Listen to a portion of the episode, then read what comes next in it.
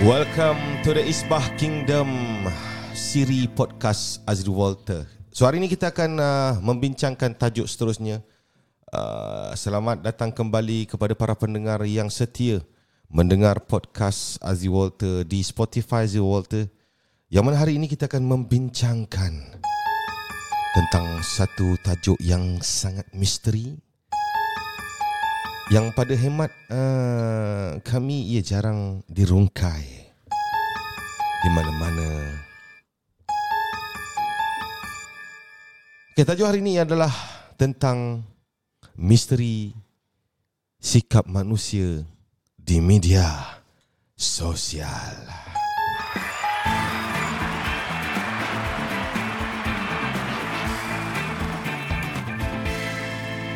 Berbalik kepada tajuk kita tentang misteri manusia di media sosial ini adalah kalau kita lihat sekarang ni telah berlaku kecelaruan di kalangan uh, manusia kan bila dalam bila kecanggihan media sosial ni. Maka saya sendiri melihat daripada kaca kacamata seorang manusia dan seorang usahawan tentang betapa um, semakin menjadi pelbagai uh, perkara-perkara yang menimbulkan mungkin akan menimbulkan fitnah, akan menimbulkan masalah dan akan menimbulkan lebih banyak drama.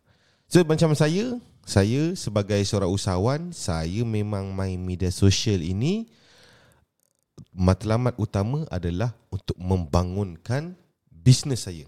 Namun persoalan dia sekarang ialah kepada orang-orang yang uh, orang awam yang tidak ada matlamat untuk membangunkan bisnes di media sosial, persoalan dia, kenapakah mereka ini uh, membuat ataupun menunjukkan sesuatu perkara di media sosial, apakah tujuan mereka? Uh, mungkin hari ini kita boleh ulaskan contoh lah kalau kita tengok.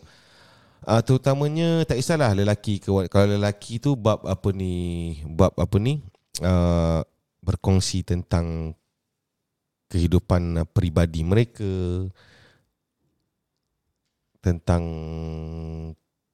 keluarga mereka. Okay, so hari ni kita ada seperti biasa uh, kita punya sparring uh, partner saya Mrs.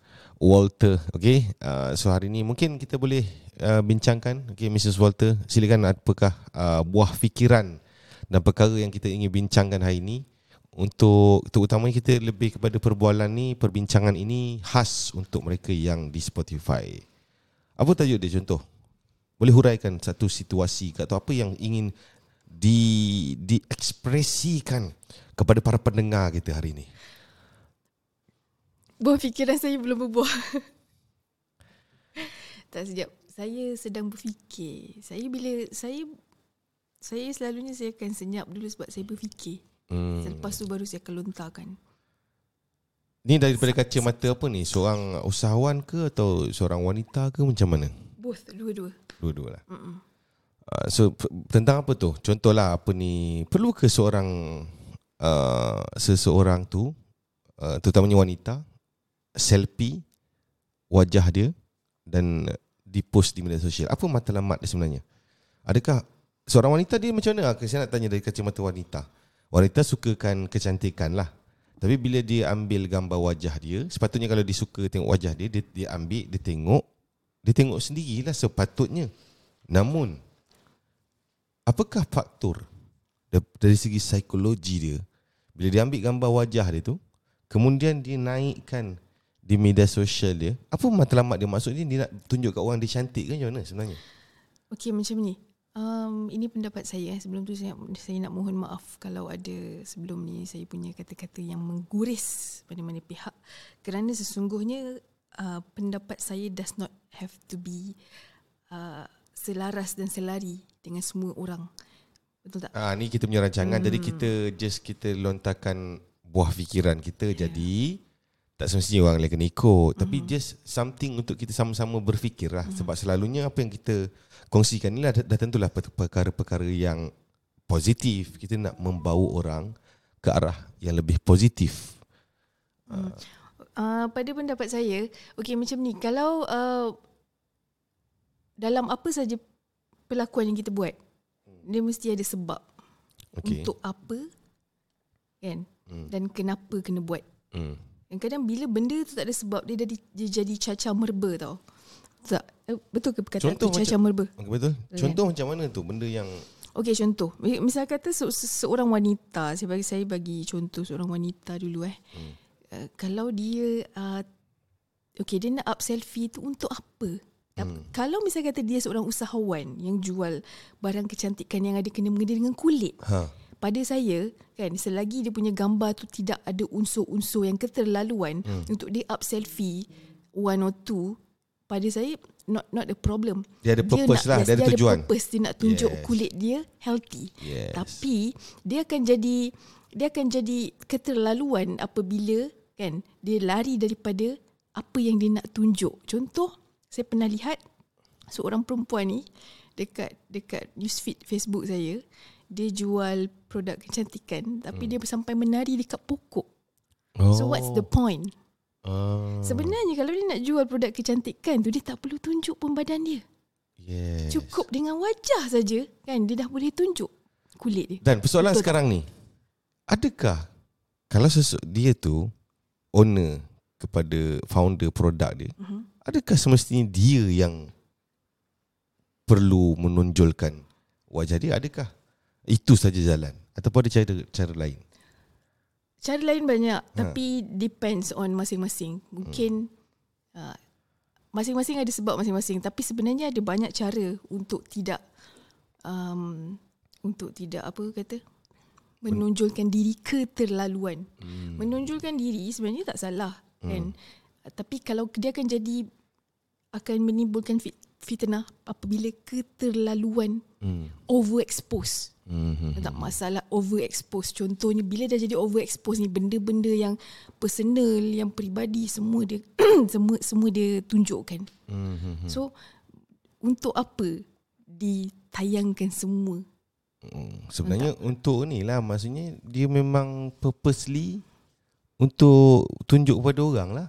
Hmm. Tapi ada juga orang dia tak ada tak sorry dia tak terlibat dalam bisnes eh tak jual apa-apa produk tapi dia suka share dia punya moments dia nak tunjuk apa dia punya lifestyle kan kan um, itu itu different different case lah Maksud itu visi dia dia nak share happiness Hmm. Okay, nampak tak? Okay, kalau uh, dia dia different konsep lah. Kalau macam uh, usahawan, kalau dia nak bisa kata dia nak fokus on dia nak jual produk, dia guna media sosial, hmm. then dia kena tahu setiap apa yang dia buat tu okay, ni untuk apa. Contoh, tak semestinya dia perlu menari dekat pokok. Hmm. Contoh, dia nak jual produk kecantikan kulit. Hmm. Dia boleh share resepi jus yang dia buat daripada tumbuhan ataupun ataupun apa? Apa-apa herba-herba, lepas tu sambil-sambil apa tips-tips yang boleh perempuan buat supaya kulit cantik. Ah. Betul tak? Dia tak semestinya kena tegak. Hmm. It has to be apa dia kena kreatif lah.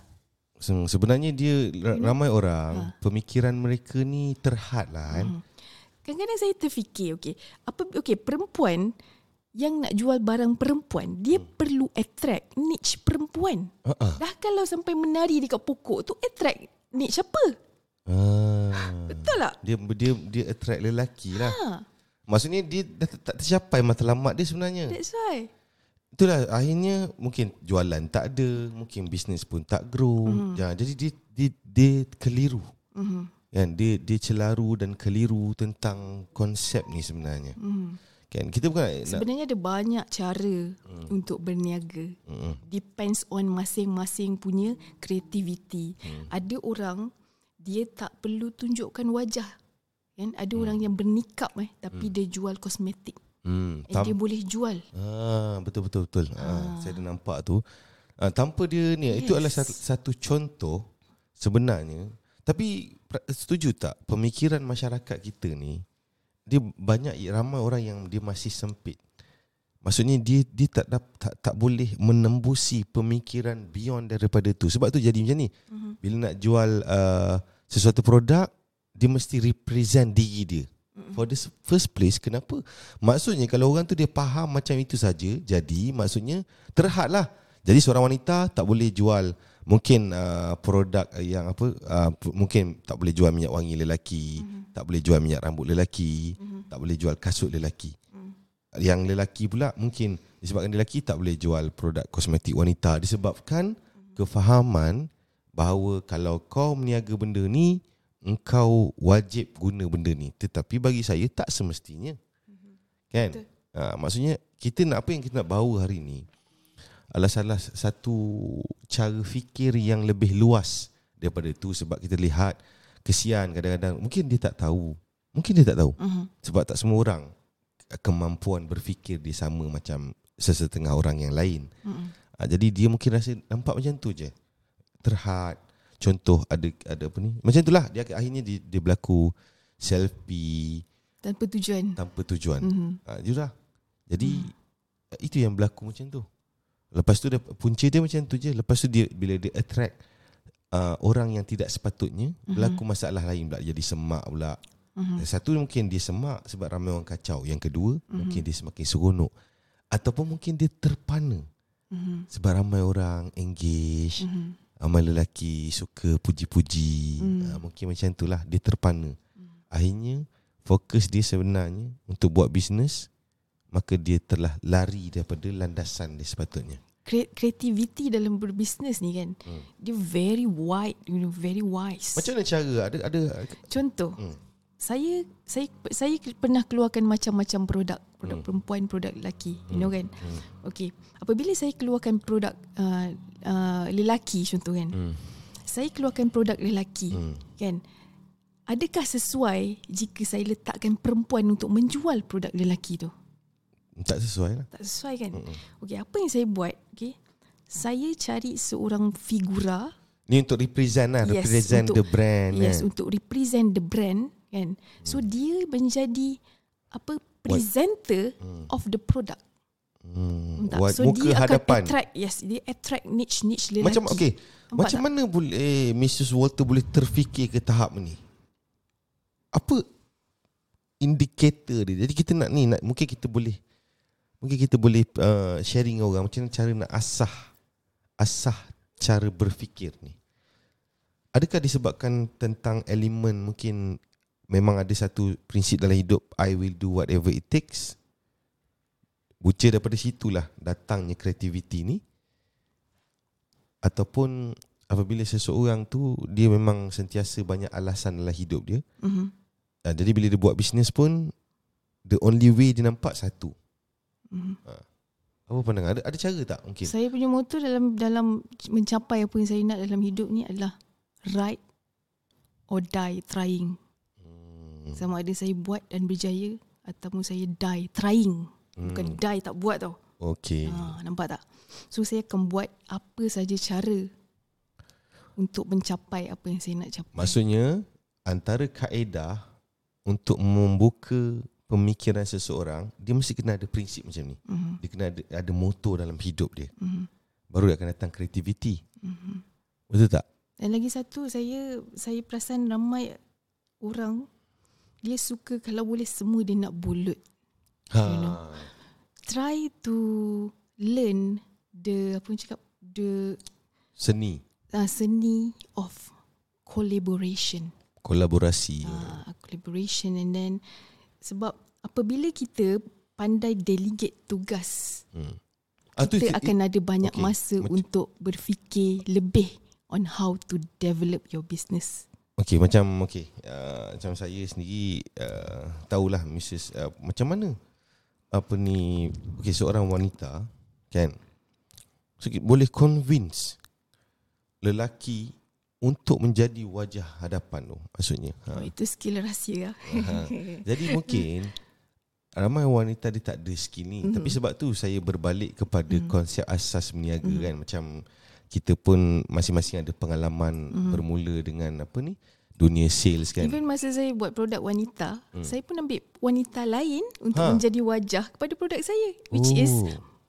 produk tu wajah dia bukan saya. betul juga, It eh. does not have to be me. You know? Tapi kebanyakan orang sekarang, dia lah founder, dia lah model, dia lah duta. Adakah itu disebabkan sifat orang tu dia suka menonjol? Adakah dia ada kena-mena dengan karakter Probably. Ataupun disebabkan dia ada dua sebab lah. Satu sebab karakter dia, Mhm. dia tu suka expose diri Ah, dia, yes. suka fame Mhm. kan. Dia suka fame and famous suka ya. fame and famous. Yang kedua, mungkin terhad pemikiran. Ha, ada dua cara Hmm, dua ah. benda ni lah. Hmm. Ha, tapi apa yang kita nak kongsikan dalam Tapi podcast terhad terhad tu saya rasa hmm, tak ramai yang terhad. Maksudnya de- dekat luar sana ada banyak resources. And then saya saya dapat lihat even uh, beberapa kenalan saya kan Hmm. yang masih dalam industri-industri uh, produk wanita ni walaupun mereka dah tahap mampu Hmm. untuk hire someone as a as a representative Hmm. tapi mereka masih mahu berada Hmm. di depan. Hmm. So it's about uh, macam saya cakap lah, ada orang dia suka lifestyle macam tu. Tapi itulah satu persoalan dia dalam masyarakat kita. Dia orang ni tak tak uh, dia selalu tak ada satu mind bahawa sampai bila. Hmm. Faham tak? Ada tak dia terfikir sampai bila? Sebab lagi lama dia jadi hero, Hmm. lagi susah Untuk untuk, dia dia, pull back. untuk dia pull back Hmm. pada saya lah. Hmm. Jadi kalau dia seorang wanita kan mana sebab dia akan ada keluarga. Contohlah, contoh katakan dia tu adalah uh, muka hadapan Hmm. uh, bisnes dia, Hmm. Maka dan dia juga ada uh, sudah berumah tangga dan live dia tu Hmm. dan dia, dia akan buat uh, live stream, dia akan buat video dan kebanyakan masa dia tu adalah dia buat live tu. Ha, nampak tak? Kekangan Hmm. tu. Hmm. Kan? Sampai bila? Tapi kalau sebenarnya saya tak tahulah saya jauh saya rasa sebenarnya that kind of life memang hektik lah bagi saya lah. Kan? Tapi ada orang dia memang suka life macam tu. Ya, Dia, memang kan? suka Hmm. living in fame and famous life. Sehingga kan rutin harian dia kan Semua rutin harian dia pun Ada orang memang suka, dia memang suka. Dia dia bukan paksaan tau. They, they want to be. Uh, Tapi itu adalah hak space. hak mereka lah kan Mm, Hak mm. mereka cuma Apa yang kita nak kongsi kat sini Mungkin ada orang dia tak terfikir pun Contoh macam bila bila saya ceritakan Hmm. Cuma lagi satu, nothing come as easy as it might hmm. seem. Contoh kan orang tengok macam best lah. Tapi ramai orang tak tahu dia punya apa yang cakap the price that they have to pay Okay di atas the uprising of the Fame, fame. Hmm. Ada harga yang perlu dibayar lah Kan Contoh privacy. Ah, Macam pergi mana-mana orang start kenal kan. Okay Especially untuk perempuan lah kan. Uh, Tapi um, for some people yang pilih jalan hidup macam tu kita tak kecam. Mm-mm. You, you do whatever you that makes you happy kan. Mm-mm. Uh, cuma untuk mereka yang um, rasa apa rasa tak selesa dengan cara seperti itu, Hmm. there is actually ada cara lain. Ah, ah. Cuma perlu apa cakap kena banyak um, creativity creativity tu kena kena comes from you lah. You tak boleh macam expect orang yang orang lain yang fikirkan untuk kita. Hmm, hmm, hmm. Uh, you kena come up dengan banyak plan macam mana nak buat. Lagi satu mungkin kesalahfahaman lah tentang Yelah bila kita tengok bila lahirnya ramai sifu dan mentor bisnes Kita bukan Hmm. against sifu dan men- mentor tak Cuma apabila lahirnya ramai sifu dan mentor bisnes ni Maka ramai orang belajar dan ramai orang salah faham Okay, dia ingat bila dia pergi belajar dengan seorang mentor atau sifu Maka dia confirm akan berjaya Ah, apa, apa apa pandangan Mr. Walter tentang Betul-betul Orang yang dia pergi belajar Dia dia bayar certain amount of money Lepas tu Dia tiba-tiba tak menjadi Kemudian Dia marah Sipu tu Dia marah Mentor ni Because Dia buat tak jadi Ah, Apa apa pandangan Saya Mungkin pernah ada- nampak komen ni banyak tau. hmm. Even dekat page kita punya page dekat luar luar daripada page kita kan. Hmm. Yang komen oh saya pergi kelas ni ni bayar banyak ni banyak ni lepas tu tak jadi apa. Ha. Ataupun komen lain oh saya pergi kelas ni uh, Sifu ni kata kena buat live Saya dah buat live banyak kali Tapi sale tak ada kan? Sebenarnya bukan salah Sifu Bukan salah cikgu-cikgu Bisnes yang korang pergi ni semua ha. kan? Ini Macam cakap banyak Tapi keras sikit lah Sebenarnya kalau korang yang cap ayam Jangan salahkan Sifu Ah. Betul tak? Dia macam kau pergi sekolah Seorang cikgu tu Dia akan ajar Semua yang dia mampu ajar Hmm. And then selepas tu It's up to you On how to handle it Hmm. Macam Faham kita tak? nak explore diri Ah, kita so sendiri ya? bila exam time kau tak boleh jawab, adakah salah cikgu yang mengajar? Macam tu lah. Hmm, hmm. Okey, okay, apa pandangan Mr. Walter tentang kalau dia ada se- seorang usahawan tu, dia baru nak start berniaga, Hmm. kemudian dia min, dia nak semangat untuk mula bisnes. Apa pandangan? Mengikut kita punya kita bukanlah rendahkan Nak orang bisnes lain. pun nak semangat ke? Ah, itulah kita bukan rendahkan orang lain. Kita Okay. kita dah memulakan bisnes dan kita kenal ramai orang. Apa pandangan tentang orang yang 14 tahun dulu, hmm. masa saya nak bisnes, saya tak ada minta semangat kat orang. minta izin keluarga dia? Tak ada. Buat maksudnya tentukan lah. Saya cuma minta doa daripada mak dan abah. Saya tak minta apa apa benda restu semua tak ada. Saya cuma minta doa. Hmm. Banyak kali saya cakap. Saya, saya doakan macam ni, macam ni, macam ni. Exact doa lah. Saya cakap saya nak capai banyak ni, banyak ni. Saya suruh mak sebut dalam doa. Hmm, hmm, hmm. Dan lagi satu, okay, untuk bisnes ni saya tak faham kenapa bila nak bisnes, nak kena minta apa? Tak semangat. Minta apa? Semangat ke apa? Untuk Tak, tadi, mula. tadi. Ah, ah, ah. Semangat Siapa? lah. Oh, Semangat mungkin tips ke untuk mula ke macam mana? apa? Tadi, tadi. Semangat, tadi soalan semangat, tu. Semangat. Semangat. Uh, apa pandangan tentang orang yang dia baru nak mulakan berniaga, nak mulakan bisnes Ha. tapi dia minta semangat. Dia minta kata-kata semangat. Ah ni bukan orang yang nak mula tau. Orang yang nak mula ataupun orang yang sedang berbisnes di kala mereka down dan mereka perlukan semangat daripada luar, nasihatnya ialah berhentilah bisnes. This is not your field. Hmm. You know, kalau sampai nak berbisnes pun perlukan semangat. This is not your this is ini bukan this is not for you. Hmm. Pergi cari kerja. Sebab Itulah nasihat yang paling isbah sekali. There's no such thing as uh, kau kena macam ni, kau kena macam ni, begitu begini, kau kena kuatkan apa benda, apa benda jadah semua tak ada. Kalau kau tak boleh develop inner motivation and strength kan, don't expect you get it from outside. Hmm. Apa yang kita dapat daripada luar itu hanyalah sebagai booster saja. Uh, uh, dia Kita tak boleh expect Macam dia macam ni lah Macam kita tengok ram- ramai perempuan up dekat story Macam dia rasa sedih apa Hidup lonely Apa jadah So dia mengharapkan seorang lelaki Datang dalam hidup dia dan membahagiakan dia Ha. Faham tak? Itu lagi satu konsep tu Kan? Dia sendiri dia sendiri, Dia sendiri tak tu? happy Hmm. Macam seorang kau sendiri kau dah memang hidup kau tak happy kau expect orang lain datang ke dalam hidup How kau dan come? happy kan kau. Macam mana nak How come? takkan takkan boleh. Ha. Ini masalah faham. sama konsep lah. Dia kena ada kemampuan diri dia sendiri sebenarnya Mhm. untuk Ah boleh kita masuk bab Eh banyak bab kita masuk ni menyempang. tak apa tak apa boleh kita masuk bab ini tentang lah tadi tu tentang purposely tujuan kita buat. Berbalik kepada satu komen yang kita uh, di Instagram uh, kan betul Aziz Walter kemudian ada orang ada seorang wanita dia kata tak baik lah cakap macam ni kan apa ni Oh, yang dekat ni Instagram Afdin Syauki eh? ah, betul Ah.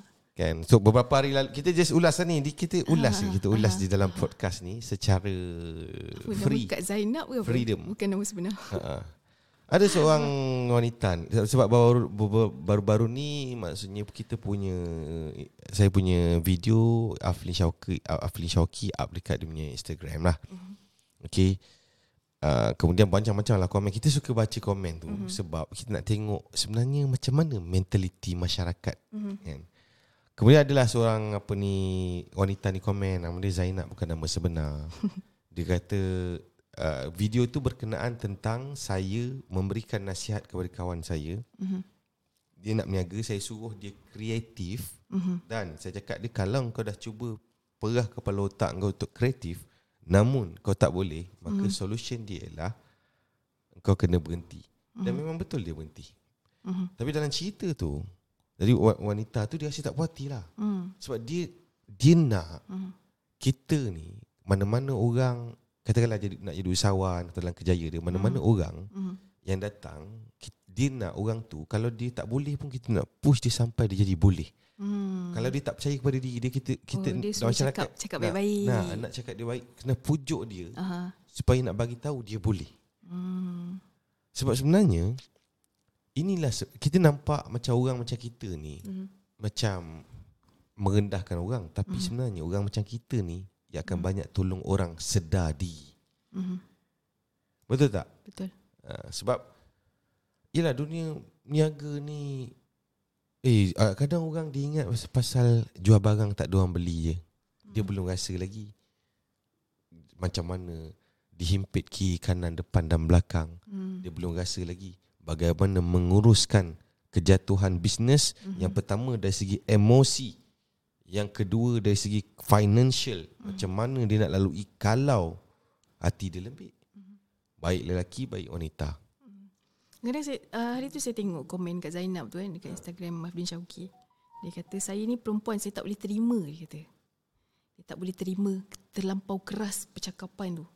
Dia kata sepatutnya uh, awak ni bercakap dengan Lan tu baik-baik, bagi dia semangat. Kan lebih kurang macam tu kan. Dia punya ayat-ayat dia kan. Dia macam mana eh? Seorang perempuan ni dia kalau uh, kalau seorang perempuan yang terlampau banyak emosi ni sebenarnya tempat dia adalah bukan dalam bisnes. Sorry hmm. to say. Eh, betul. Wanita tu sendiri memang secara dia, fitrahnya memang emosi. Aha. Yang kedua, apabila dia tidak mampu mengurus emosi dia, mm. lepas tu dia buat bisnes, apa jadi? Habis. Um, memang hancur mm. lebu. Dia akan jadi Ada pengalaman ke mungkin kau-kau apa pernah ada kenalan ataupun pernah ada agent? Ah, apa apa, apa Mrs. pernah ada pengalaman kan? banyaklah pengalaman hmm. mengurus ejen. Hmm. You prefer ejen lelaki ke wanita? Lelaki. saya boleh saya boleh menguruskan segerombolan tentera. Ha. Ejen-ejen lelaki. Hmm. Dan tak pening kepala. Walaupun seorang wanita eh? Yes, tapi apabila menguruskan wanita, saya pening. Terutamanya apabila ya antara cabaran dia kita bina kalau kita bina ejen yang luar mm. dia dia ada macam-macam mindset antara cabaran utama dia setuju tak ni kita masuk bab lain pula ni mm. tak apalah kita mm. pun nama podcast kan mm. kita kan ada ada ada pengalaman tak contoh saya antara satu benda yang mungkin kepada kawan-kawan mungkin akan datang kan dia akan lalui satu pengalaman yang mana para ejen ni ataupun staff dia akan suka kira rezeki kita dan suka mempertikai lifestyle kita apa apa pandangan Ah pernah. Ah contoh sedangkan dia tak ada keluar dia tak ada keluar dekat tak ada keluar duit. Tapi saya rasa mungkinlah bukanlah saya nak menidakkan masyarakat kita hmm. tapi saya rasa saya, uh, saya rasa dalam kita masyarakat kita ni lah banyak benda-benda macam ni apa? Punca ada pengalaman tak contoh? Ada saya saya ada banyak pengalaman tapi saya nak pick satu atau dua sajalah ha. untuk perkongsian kita kan. Okay. Uh, antaranya uh, saya pernah ada pengalaman di mana saya waktu tu saya berada di luar negara. Okay.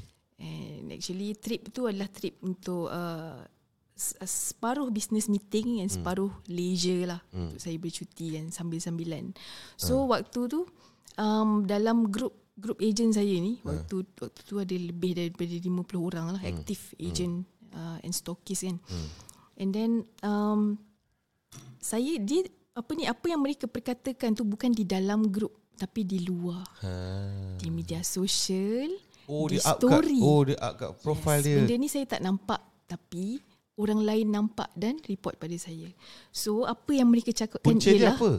Maksudnya ada up gambar dalam grup Bukan, ke? Bukan, uh, puncanya adalah tidak kepuasan hati apabila mereka comparing mereka di mana sekarang dan saya di mana waktu itu. Ha. Contoh, saya berada di sebuah pulau. Ha. Contoh, lepas saya habis business-business meeting di satu negara tu, saya pergi ke satu pulau. Contoh, ha. Ha. di orang pula tengah sibuk apa uh, close sales okay. and then cari sales kan hmm, hmm. untuk cukupkan commission hmm. and then mereka ber, berada di ialah masing-masing berada di rumah masing-masing uh-huh. so they are comparing their life with me hmm. so dia cakap some eh ini bukan semualah hmm. of course lah dalam dalam 50 orang tu bukanlah semua yang tak elok hmm. yang tak elok mungkin dalam 5 hmm. 5 5 orang saja minority saja hmm. so apa yang mereka compare ialah di mana saya berada hmm. dan apa saya buat dan compare dengan apa yang mereka buat. Hmm. So apa yang mereka buat tu seolah-olah mengkayakan orang atasan, mengkayakan bos. Ha.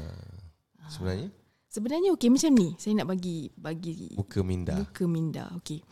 Um, apabila seorang ejen, okey, dia buat bisnes dengan modal paling minima. Hmm. Paling minima, okey, apa yang dia dapat? Misal kata dia dapat satu produk, dia dapat untung bersih, misal kata RM10. Uh. Okey, adakah wajar dengan minimal minimal modal tu dia compare bos dia yang pernah rugi beratus ribu, berjuta-juta dan dia nak compare apa yang sudah di achieve dengan apa yang bos dia dah lalui.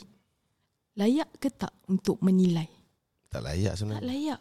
So kau spend banyak tu, kau dapat banyak tu and that is Itulah what sepatutnya. you supposed to get. Ha.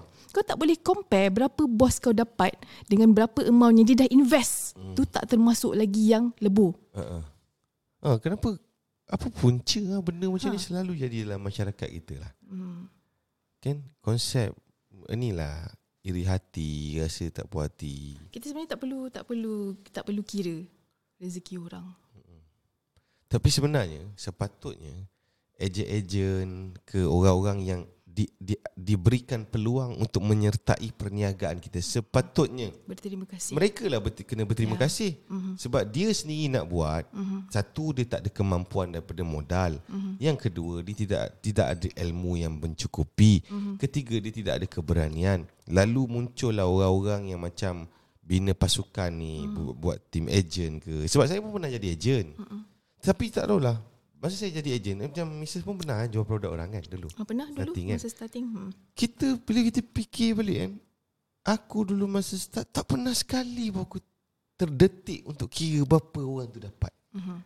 sebab aku, kita hanya nampak apa yang aku dapat Mhm. berapa aku dapat kan Mhm. betul tak sebenarnya daripada situ telah menunjukkan dia tu tak layak di usahawan Okey contoh kalau kita buat satu perkiraan logik ah. Okey. Uh, uh, beberapa pihak okey contoh kan. Dalam satu misalnya kata dalam satu investment eh. Investment yang 100% eh. Seseorang yang keluarkan uh, modal 5% kan mana mungkin dia mempertikai berapa yang seorang satu pihak lagi yang keluarkan modal 70%. Faham tak? Mana mungkin 5% kau keluarkan 5% of the total investment. Kau cuma dapat berapa yang kau keluarkan. Okay, uh, another side dia keluarkan 70% of the total investment. So of course dia dapat lebih banyak. Betul tak? sepatutnya macam tu lah Sepatutnya tidak ada pertikaian. Mm-mm, betul Kenapa perlu ada pertikaian? Sebab comparing, mem, suka comparing. Oh life dia begini, life aku begini. Oh dia begini, dia begini. Nampak tak? Oh dia pakai handbag ni, dia aku pakai handbag ni. bermula dengan kehidupan dia sebagai manusia Mhm. Betul tak? Kehidupan sosial dia sebagai manusia mul asalnya daripada situ. Hmm. Lalu bila dia masuk dalam kerjaya dia, maka dia membawa sikap yang sama. Mhm. Kan? Tapi sebenarnya itulah Saya ada satu satu ayat yang agak keras untuk usahawan wanita kan. Jangan sembang nak gegar dunia. Kalau emosi kau sendiri pun kau tak boleh kawal. hmm, Sebab saya lihat ramai wanita tewas dengan emosi. hmm, Tak kira dalam bisnes atau personal eh. Dalam bisnes kalau terbawa-bawa emosi dalam bisnes pun apa macam susah susah nak cakap. Uh, banyak benda akan jadi susah tu tu tu handle. Sebab kita bisnes dan bisnes kita kena cepat. uh, fast kan? Yes. So orang yang ni ingat masa lepas tu macam mana? Ah, dia- so, benda-benda lepas ingat lagi, ungkit. Uh, tu payah. Ah, tak sesuai. Mhm. Sebab dalam bisnes ni kita perlu banyak masa untuk berfikir, Fikir, thinker. fikir solve problem. Dia, dia apabila kita jumpa any uh, dalam uh, kita jumpa problem dalam bisnes, kita kena cepat-cepat selesaikan and move. Hmm. Move next step, move next step. Kita tak boleh stay dalam satu, satu perkara tu terlalu lama sebab dia akan buang masa. Sebenarnya aplik, uh, untuk apply method tu dalam life personal pun bagus juga. Sebab dalam life bila kita ada problem, kita cari solution then kita move. Sebab kalau kita stay dalam problem yang sama terlalu lama kan, in the end life kita tak grow. Tapi okey, Betul tak? tak okey betul lah cakap macam tu. Hmm. Tapi apa kaedah dia? Kaedah, kaedah. kaedah nak mengurus emosi tu. Katakanlah tiba-tiba tengah rasa sesuatu, apa uh, cara? Mungkin ada cara ke? Tips ke? Mungkin ada orang tak tahu. Mungkin ada tips ke? Atau macam mana? Saya tak cakap lah sebab tips ni kalau kita bagi 100 tips pun kalau orang tu dia tetap macam tu beremosi, Uh. dia tak boleh buat apa. Hmm. Dia themselves yang kena control their mind. Orang macam ni macam nak- Mind over macam emotion. nak rawat orang macam macam nak rawat orang Sebab kalau kita bagi tips, okay kalau macam ni, begini, begini kan. Ba- Kalau ada seribu tips pun kan. Kalau dia tak boleh control, dia tetap tak boleh Jadi control. kat mana tempat orang macam ni? Jangan buat bisnes. Eh, Untuk hidup macam mana? Untuk hidup. Lantak kau lah. Tapi tak tahu lah, kalau kalau kalau saya dalam niche dalam circle saya saya akan elakkan diri daripada orang-orang yang terlampau beremosi saya saya rasa semak. Uh, kenapa? You know? Yalah sebab kita kita nak growing. So kita tak suka tengok benda-benda yang apa yang cakap complicated. Hmm. Saya kurang minat benda-benda complicated. Think kita sama kan. Hmm. Benda-benda complicated, rumit-rumit ni kita malas nak ambil tahu. Hmm. Kita we want to think for the bigger things in life. Kita tak ada masa untuk benda-benda complicated. Kita begini terasa hati apa benda ah, itu ini kan. I mean kalau kalau kita diciptakan untuk fikir benda-benda tu kan sebagaimana kita nak mengurus kejayaan lebih besar. Hmm. Betul. You know?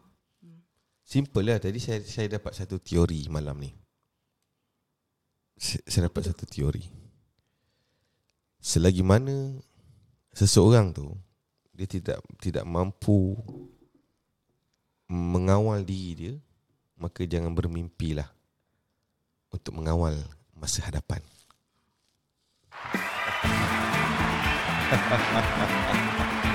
Ada lagi uh, Untuk pertama sekali Kita dah 6 minit. Kita pun tak tahu siapa yang mendengar ni. Entah siapa lah yang dengar ni. Tapi kita tak peduli pun siapa nak dengar ke tak dengar. Tapi siapa tak dengar dia memang rugilah Sebab saya rasa dalam dunia ni Entah siapa lah ada masa untuk cakap pasal benda ni. Betul tak? Eh? Betul. Tapi kita terpanggil lah untuk kongsi benda ni Yang mana benda ni tak ada orang Jarang lah orang cakap Kaedah-kaedah pemikiran Pemikiran champion lah saya rasa Okay, ada perkara lagi? Ya, setakat itu saja. So, itu saja guys. Semoga memberi manfaat kepada korang yang mendengar ni. Okay, kalau sedang memandu, berhati-hati memandu. Kalau sedang uh, berehat-rehat. Jadi, cuba fikirkan lah guys. Okay, cuba fikirkan. Tarik nafas, fikir dalam-dalam. Sebenarnya, hidup ni very simple. Tetapi, manusia yang selalu menyemakkan hidup ni jadi rumit dan susah. Saya Azil Walter, kami Walter. Jumpa lagi. Wadah.